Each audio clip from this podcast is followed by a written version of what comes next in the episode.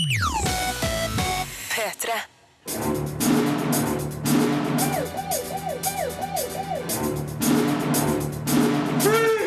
Filmpolitiet! What's your name, dude? Birger Vestmo.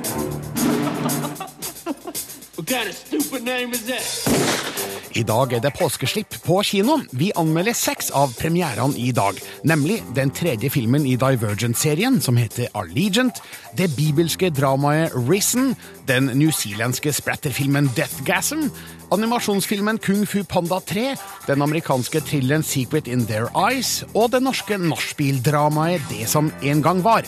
Dessuten får du vite hvilke påskekrimmer du bør følge på TV-skjermen i år. Vi anmelder det nye Hitman-spillet, og Hugh Jackman og Taron Egerton skal fortelle om sitt forhold til skihopp. De har nettopp vært på norgesbesøk i forbindelse med den kommende filmen Eddie the Eagle. Filmpolitiet. Filmpolitiet anmelder film. Sure that you want to do this. Den tredje filmen i Divergent-serien heter Allegiant, og er dessverre den svakeste av dem. Regissør Robert Swentke, som òg gjorde toeren Insurgent, har fremdeles et brukbart grep rundt sci-fi-elementene, og filmer i stor skala med gode effekter. Hovedproblemet med Allegiant er at Shailene Woodleys hovedfigur Triss, som ble bygga opp som heltemodig rollemodell i de to første filmene, er nedgradert til naiv, godtroende og famlende svekling i Allegiant. I stedet er det mindre spennende Four, spilt av Theo James, som plutselig fører an, noe som avgjort gjør filmen mindre attraktiv. Serien finner sted i en dystopisk fremtidsversjon av Chicago, bebodd av ulike ungdomsfraksjoner og omringa av et høyt gjerde. Evelyn, spilt av Naomi Watts, har tatt makta, men ser ut til å utøve den samme maktsyka som Janine gjorde i de to første filmene. Triss, spilt av Shailene Woodley, Four, spilt av Theo James, Caleb, spilt av Ansel Elgort, Christina, spilt av Zoe Kravitz, og Peter, spilt av Miles Teller, rømme over gjerdet og ut i det ukjente. Der skal de oppdage den overraskende sannheten om byen de kommer fra, samtidig som et nytt maktspill settes i gang. Welcome. Your arrival is the most exciting event some of us have ever known. Allegiant bygger i utgangspunktet videre på kjente elementer fra de to første filmene, men kaster seg ut i ukjent farvann som viser seg å skjule ikke altfor spennende hemmeligheter. Jeg vil nødig avsløre for mye her, men det dukker opp mange spørsmål angående troverdigheten rundt handlinga. Ja, det her er en young adult fantasy, men når det er umulig å tro på hele oppbygginga og infrastrukturen i filmens univers, sliter jeg med å ta figurene og historien på alvor. Det blir for enkelt og naivt. Tobias Eaton, you've been assigned to me. It's a lot of firepower. Det verste i Allegiant er utvanninga av Shailene Woodleys hovedfigur.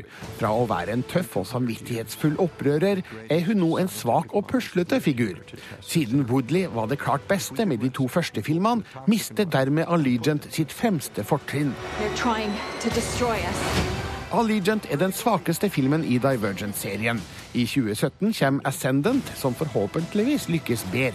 Robert Schwenke og staben har riktignok løst det visuelle godt, men det skorter på manusfronten.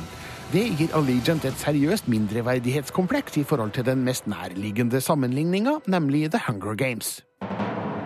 Terningkast tre. Filmpolitiet anmelder TV-serie.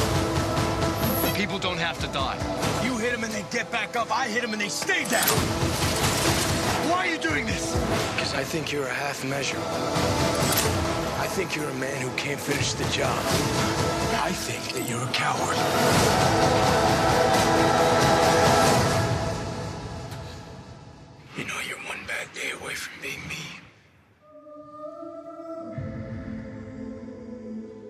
I dag er det premiere på andre sesong av Marvels Daredevil i Netflix. Og Marte Hedenstad, du har sett eh, sju av de 13 episodene. Hvordan er gjensynet med Matt Murdoch, aka Daredevil? Åh, Det er så bra, Birger!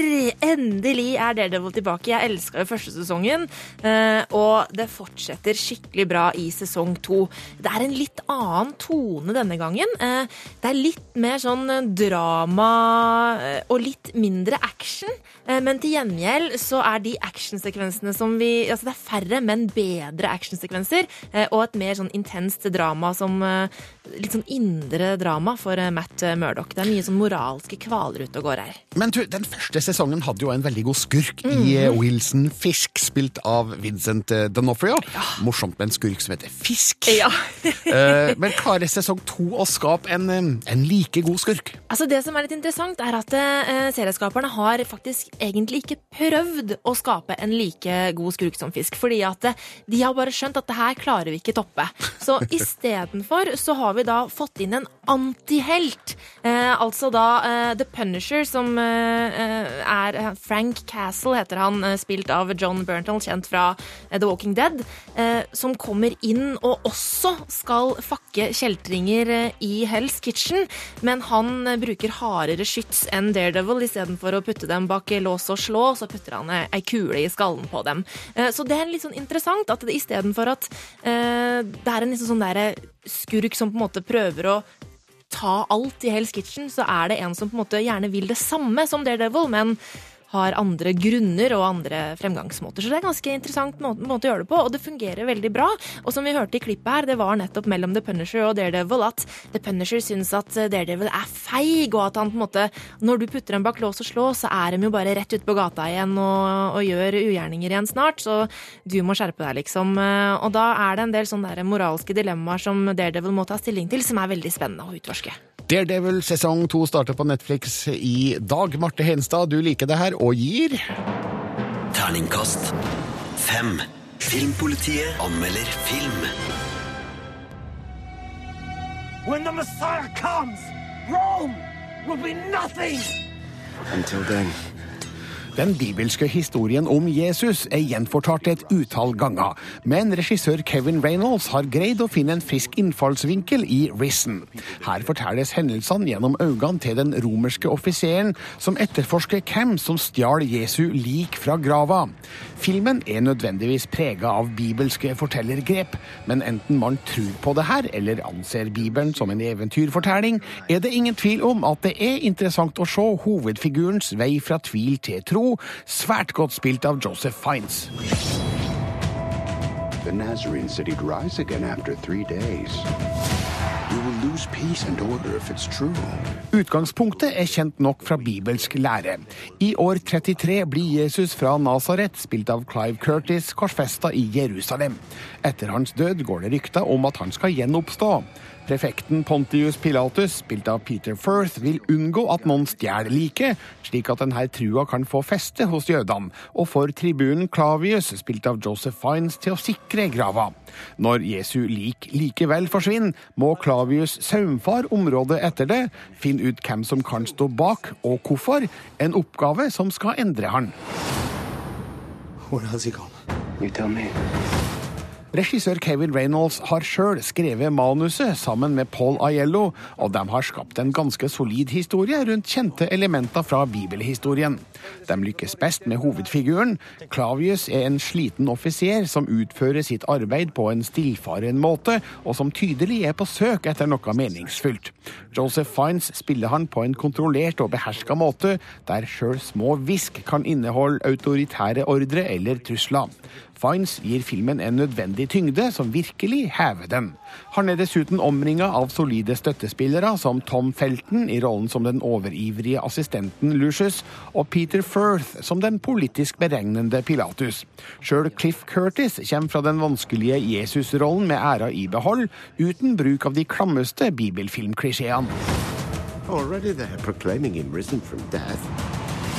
The Emperor cannot arrive to unrest. We must Kevin Reynolds har regissert kjente filmer som Robin Hood, Prince of Thieves og Waterworld, men har vært lite synlig etter 1990-tallet. Risen viser at han fremdeles har et godt lag med storskalafilm, skjønt budsjettets begrensa størrelse gir uunngåelige utslag.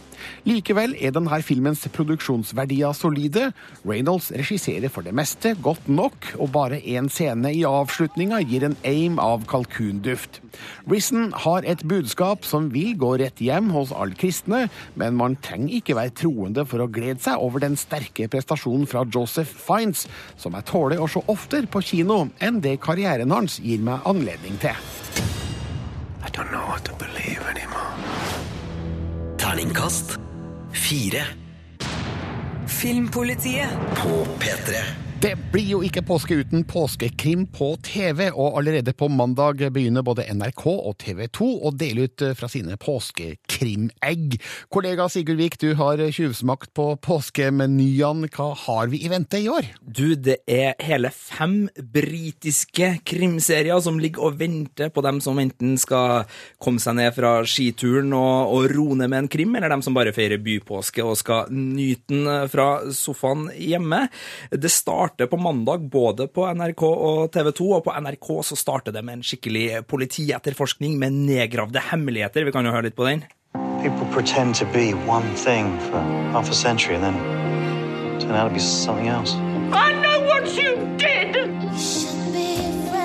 Male, a young adult. We treat this as a crime scene. I want to find who caused. I know what you did! Det er gamle hemmeligheter som dukker opp igjen i nedgravde hemmeligheter. Ja. Det er altså da et drap som eh, skjedde for 39 år siden. De finner et lik i, under en bygning, og så begynner politiet å nøste litt i det her. Kan det ha skjedd noe kriminelt? Bruddskader i kraniet tyder på at det har skjedd noe kriminelt, og da er det da folk som har levd sitt liv i eh, fred og fordragelighet, som nøstes inn i denne etterforskninga, fordi de finner ja, Jeg skal ikke avsløre så mye, men de finner noen navn, da. Og så er det da blant annet en prest og en adelsmann og noen hjelpearbeidere som var venner en gang for ca. 40 år siden, og som nå lever helt forskjellige liv. Og så kommer jo etterforskeren og skal nøste opp i det her. Nedgravde hemmeligheter starter altså på NRK1 mandag klokka 21.30. Hva med serien på TV 2? Du, der er det den kanskje aller mest spennende begynner på langfredag og en Agatha Christie nyinnspilling, And Then There Were None. På norsk den litt Ja, det er litt ekkel å si tittelen, men Må den bare heter si det. Ti små negerbarn het den eh, novellen på, på norsk eh, da den kom, og er da en eh, klassisk Agatha Christie-krim. Jeg tror det er hennes mest bestselgende eh, novelle. Nå nyinnspilt med folk fra bl.a. Game of Thrones, Black Sails og en knippe veldig gode britiske skuespillere. Handler om ti personer som ikke kjenner hverandre, som eh, samles i et herskapshus på en øy, og så begynner de å dø. Vi kan jo høre litt på hva som møter dem når de kommer på øya. Lawrence Wargrave, John MacArthur, Emily Brent, Edward Armstrong, Philip Lombard, William Law. How do you plead? Guilty or not guilty? Ja, det er ei grammofonplate som spiller av den her ganske tidlig i sekvensen, og det er en sånn god nest, altså Det er jo ikke grøsser, men den har noen sånne elementer av grøss. Det her er øy, det er utafor den britiske kysten, det er magisk. Så dem som liker den der gode, gamle britiske krimmen, det her foregår vel på 30-tallet, tror jeg, så er det And Then There Were None, TV 2s eh, godsak som begynner på eh, langfredag. Og så har NRK også noe som, eh, for de som er glad i, i slutten av påska, det er Ingen utvei, som begynner skjærtorsdag, som heter Pray på originalspråket. Og så er det Unge Inspektor Morse som begynner på langfredag. Og så er det jo den vi kanskje er mest spent på, da, Birger. Den begynner allerede på mandagen på TV 2. The Night Manager, John Le Carré-innspilling. Den kommer vi sterkt tilbake til snart her i Filmpolitiet.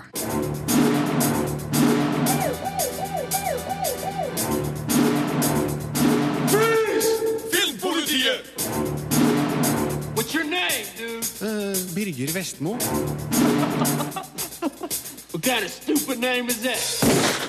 På mandag starter påskekrimene på TV.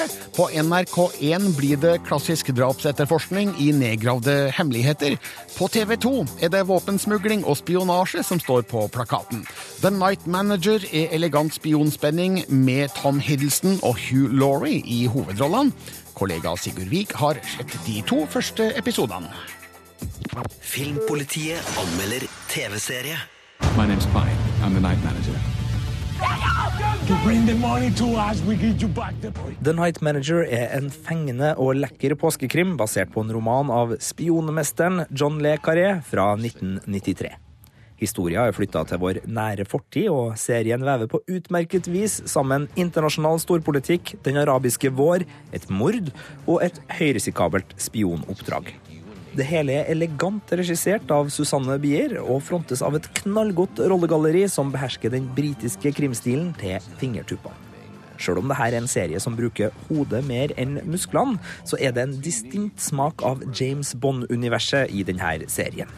Både vignetten, stedene vi besøker og miljøene som skildres, kunne ha vært henta fra en Bond-film. The Night Manager presenterer også skurken sin med en timing som oser av klassisk spionfilm. Richard Roper is selling arms in the heart of Cairo, in the middle of the Arab Spring. I want to put you inside his operation. Oh, very good to see you, Mr. Roper. I'm the night manager. Tom Hiddleston spiller Jonathan Pine, en tidligere britisk soldat som har funnet sin hylle i livet som nattportier på et luksushotell i Kairo. Under tumultene rundt president Mubaraks avgang i Egypt i 2011 blir Pine kontakta av en av hotellets kvinnelige gjester, som presenterer seg som Sophie. Hun overleverer en rekke dokumenter til Pine som hun vil at nattportieren skal dele med den britiske etterretninga hvis noe skulle skje med henne. Det er dokumenter som viser at den høyt respekterte britiske velgjøreren Richard Roper, spilt av Hugh Laurie, i virkeligheten er en av verdens verste våpenhandlere. War is spectator sport. We are emperors of Rome. Dette er en serie som bygger mye av stolkantspenninga og intensiteten sin mot møtene mellom karakterene til Tom Hiddleston og Hugh Laurie. Og de to skuespillerne har en underholdende kjemi som setter spenninga fra første blikkontakt. Regissør Susanne Bier er også veldig god til å la seriens kulisser sette en smak på episodene. Spesielt seriens første episode, på luksushotellet i Kairo, får mye av sin eleganse og spenning gjennom hotellets utforming og dynamikk. Det gir oss en variert, men stilsikker krim, og med konspirasjonsknekkende kontorhelter som hutrer foran en defekt radiator, og selveste Dr. House, ja, Hugh Laurie er selveste Dr. House, som veltalende superskurk, så er The Night Manager silkeføre på skjermen i påska. You step out of line. We'll make you howl for your mother. Terningkast fem. Denne serien starter på TV2 mandag klokka 21.40. Du kan se den både på TV2 og på TV2 Sumo. Filmpolitiet anmelder film.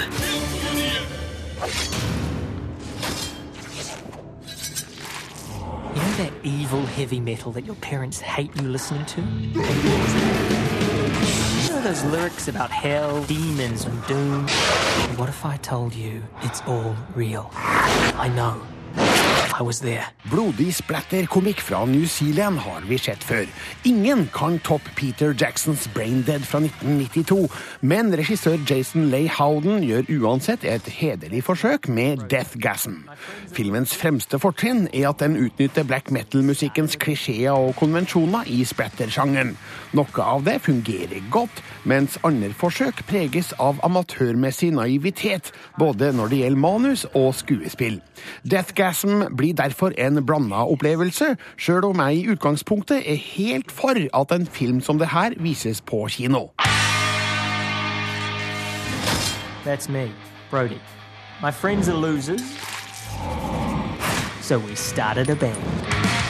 Metallfrelste Brody, spilt av Milo Cawthorne, flytter til en liten by, der han blir kompis med Zack, spilt av James Blake. Sammen snubler de over notearkene til en sort hymne som kan vekke djevelske krefter. En satanisk sekt kommer til byen for å få tak i notene, men karene har allerede spilt tonene i bandet sitt, Deathgassen, og forårsaker med det en djevelsk apokalypse. Wouldn't it be crazy if the music had something to do with demons? Demons. Jeg liker figurene og settinga. Metalheads er naturlige utskudd som kan fremstå litt stakkarslige i en tid der metall er alt annet enn moteriktig. Både Milo Cawthorne og James Blake, som da ikke er den britiske artisten, spiller med riktig utseende og attityd, men burde hatt mer av den komiske teften og timinga som rollene krever. Humoren mangler òg friske innfallsvinkler og preges litt for mye av utdatert gutteromshumor som ikke fungerer godt nok på film. I translated those pages. Now people are turning crazy. Like possessed crazy. Splatter-effektene holder heldigvis grei kvalitet. De virker å være gjennomført kun med praktiske effekter, ingen digitale, som er en velkommen løsning. Regissør Jason Leigh Howden har designa effektene sjøl, og har nok gjort en bedre jobb der enn i registolen. Det er noen syke sekvenser her som gjør opp for et middels manus og vekslende skuespill. Igjen bleikner Deathgasm i sammenligning med før nevnte Braindead, som aldri fikk en kinorelease i Norge. Så om man vil se newzealandsk splatterkomikk på kino, inkludert noen norske black metal-referanser, er Deathgasm et godt alternativ, til tross for noen svakheter. Jesus! Terningkast tre. Filmpolitiet anmelder film. Poe, du må ta det neste skritt på reisen din. En formidabel kraft venter på deg. Pandaen Po er tilbake i nok et fargesprakende eventyr i Kung Fu Panda 3. Og den klønete bjørnen, som merkelig nok er skikkelig god i kung fu, er fortsatt like sjarmerende som før. Rettferdigheten er straks servert! I Kung Fu Panda 3 er Po og de fantastiske fem fortsatt de store heltene i landsbyen sin. Men Po kan ikke hvile på laurbærene av den grunn. Tiden er inne for å ta steget videre for å bli en ekte dragekriger. Men for å gjøre det må Po finne sin indre chi. Og det er lettere sagt enn gjort, fordi Po har ikke engang klart å finne seg sjøl. Når hans virkelige far dukker opp i landsbyen, får imidlertid Po sjansen til å lære hva det virkelig vil si å være en panda. Og sammen reiser de til en hemmelig pandaby i fjellene. Når den onde kung fu-mesteren Kai dukker opp fra åndeverdenen med en plan om å utslette alle kung fu-mestere i verden, må Po få hjelp av sine nye venner for å beseire åndekrigeren. Jeg kommer til å ta chien din, og så chien til hver eneste panda i hele Koseprat. Selv om Dreamworks melker kua med Kung Fu Panda 3, så føles ikke filmen som en unødvendig film. Historien er en avslutning på eventyret som har bygget seg opp i de tidligere filmene. Hvor kom Po egentlig fra?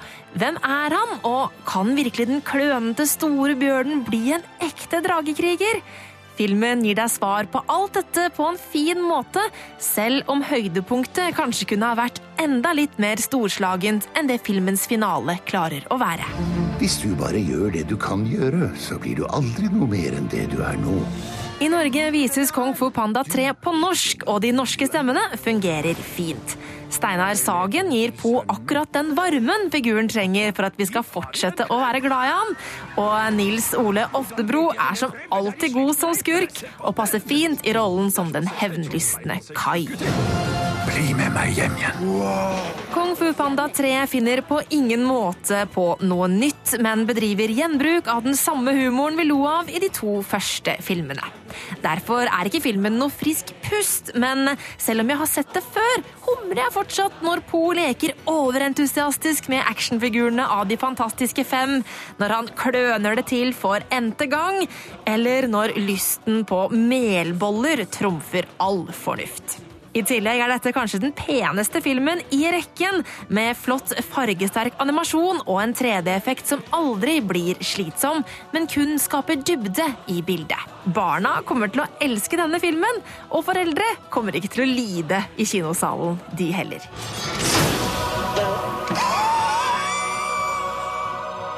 Jeg tror kanskje jeg tissa litt på meg. Terningkast fire. Filmpolitiet På P3.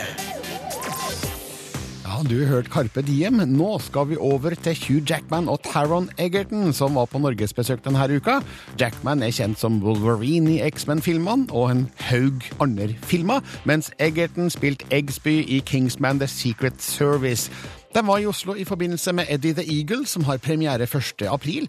Dette er filmen om den engelske skihopperen Eddie Edwards, som var et fargerikt innslag i hoppsporten på slutten av 1980-tallet, med korte hopp, store briller og tunga hengende ut av kjeften. Taron Egerton forteller til reporter Gaute Sakariassen at eh, han ikke ante hvem Eddie Edwards var før innspillinga. For as long as I can remember, it has been my ambition to become an Olympian. Eddie, you are not an athlete. I just needed to find the right sport. Before starting this film, were you uh, familiar with the world of, uh, of ski jumping at all? I really, wa- I wasn't, I wasn't even familiar with the story of Eddie the Eagle, let alone ski jumping. Um, but it was kind of an amazing journey for me, discovering ski jumping and obviously uh, Eddie's story. I, I still, I, even now, when I see someone do it, Yeah. I've seen quite a lot of ski jumping now, you know, both in the flesh and on screen. Even now, it still, still kind of takes your breath away. Yeah, totally. I, I, I'm from Australia, obviously. There's no ski jumping at all, but we, I used to love it. Everyone knew Eddie the Eagle, and we all sort of were fascinated by this sport. I think it's it's sort of universal, whether you've ever skied before, because it's so death-defying. It's actually so beautiful to watch, and uh, and it's kind of crazy. It's there's something you- mesmeric about it.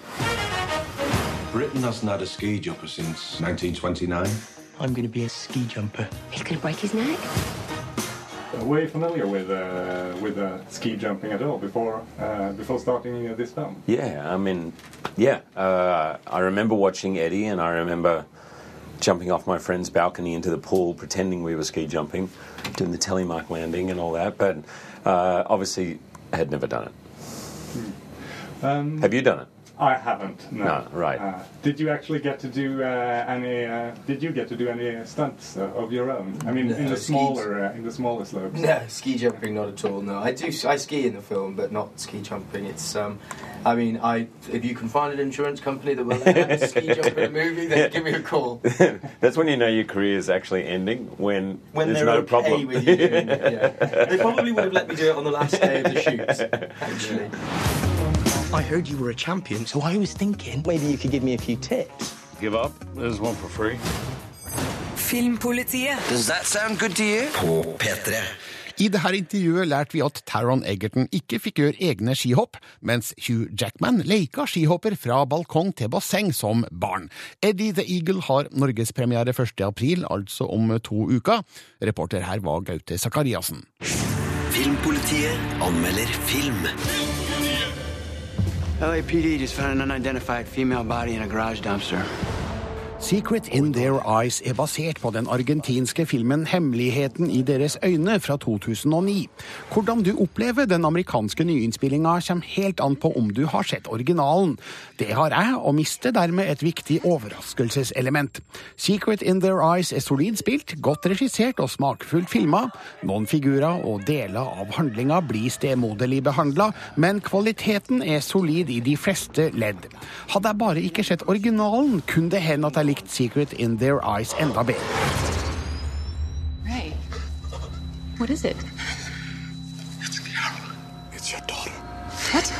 Ray, spilt av Shivetel Ejiofor, kommer tilbake til FBI-kontoret han en gang jobba på i Los Angeles. Han har et nytt spor i jakten på gjerningsmannen, som 13 år tidligere drept dattera til kollegaen Jess, spilt av Julia Roberts. Historien skifter effektivt mellom nåtid og fortid, og vi får etter hvert stadig mer innsikt i en lyssky historie, der flere aktører beveger seg ut på dypt vann, langt bortenfor det de har myndighet til. Your killer knew enough to destroy all the DNA evidence. You don't give up. Filmen diskuterer moralske tvil rundt strafferettslige begrensninger, der man som publikum blir konfrontert med egne meninger. Her er det mulig å føle sympati med figurene, sjøl om man vet de foretar tvilsomme valg. Det er mer på gang i historien enn sjølve drapsetterforskninga. Ray har åpenbart hatt et godt øye til ekskollega Claire, spilt av Nicole Kidman, som nå leder hele FBI-kontoret. Forholdet mellom dem utforskes videre i historien, og gir den en ekstra dimensjon, sjøl om det preges av en viss kjølig distanse.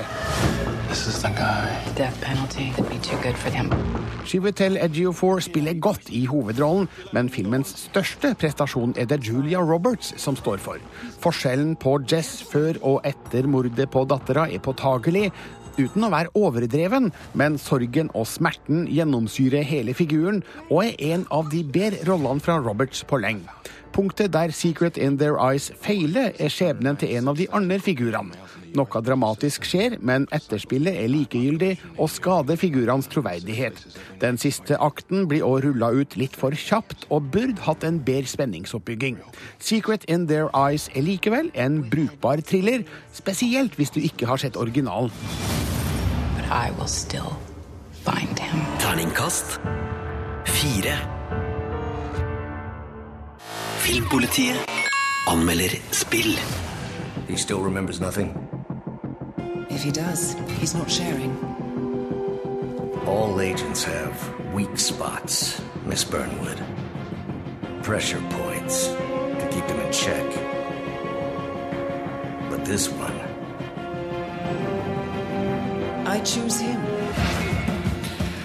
Agent 47 har vært en kjent spillfigur siden det første spillet Hitman Coldname 47 kom i 2000. Nå er den dresskledde, glattbarberte agenten med strekkode i bakhodet tilbake i et nytt spill som rett og slett bare heter Hitman. Marte Hedenstad, du har spilt det her, som er ute nå da, til PC, PlayStation 4 og Xbox One. Er det fortsatt gøy å spille Agent 47? Ah, det er alltid gøy å spille Agent 47. Eh, og han er jo da en leiemorder, ikke sant? Og det som er så kult med Hitman-spillet, er at eh, du får et mål eh, om en eh, person du skal knerte, da, helst uten å bli oppdaga. Og så er det opp til deg sjæl hvordan du går frem for å få det til. Og det er mange måter å nå målet på, og det er veldig gøy. Problemet med denne Hitman-utgivelsen er at Square Unix, Enix og IO Interactive de har valgt å gi ut spillet i episodeformat. Men det var egentlig ikke laga for det, så det er noe de har delt opp seinere. Og det gjør at eh, det da kommer syv episoder i år. Jeg har spilt det første, eh, og det blir litt knapt altså, med en episode av Ja, gangen. hvor lang tid bruker du på en episode? Altså, eh, Det som er greia, er at du kan spille gjennom det kjemperaskt, altså kanskje på en times tid. Men så er det jo dette med Hitman, at du skal gjøre oppdragene igjen og igjen. For det er masse forskjellige måter, ikke sant. Ja, det er jo en del av det som gjorde de tidligere spillene Mm. morsomme, at du kan gjøre oppdrag på nytt, og så Mm. får du da poeng for å ta ut målet, som det heter, på Mm. forskjellige måter. Yes. Eh, er det det samme her? Ja, det er det. Eh, Og, det er masse Du kan være skikkelig kreativ i måtene du går frem på, og så eh, samler du da poeng for å liksom ta ut fienden på forskjellige måter. Men det som er litt sånn dumt med at det er episodeformat, gjør at når dette her blir liksom det eneste greia, fordi at det, oppdragene er såpass korte at du må gjøre dem igjen for å få noe ut av spillopplevelsen, og da blir det litt knapt. Men jeg tenker meg at når vi får alle de syv episodene på en gang, kommer det her til å bli drittbra.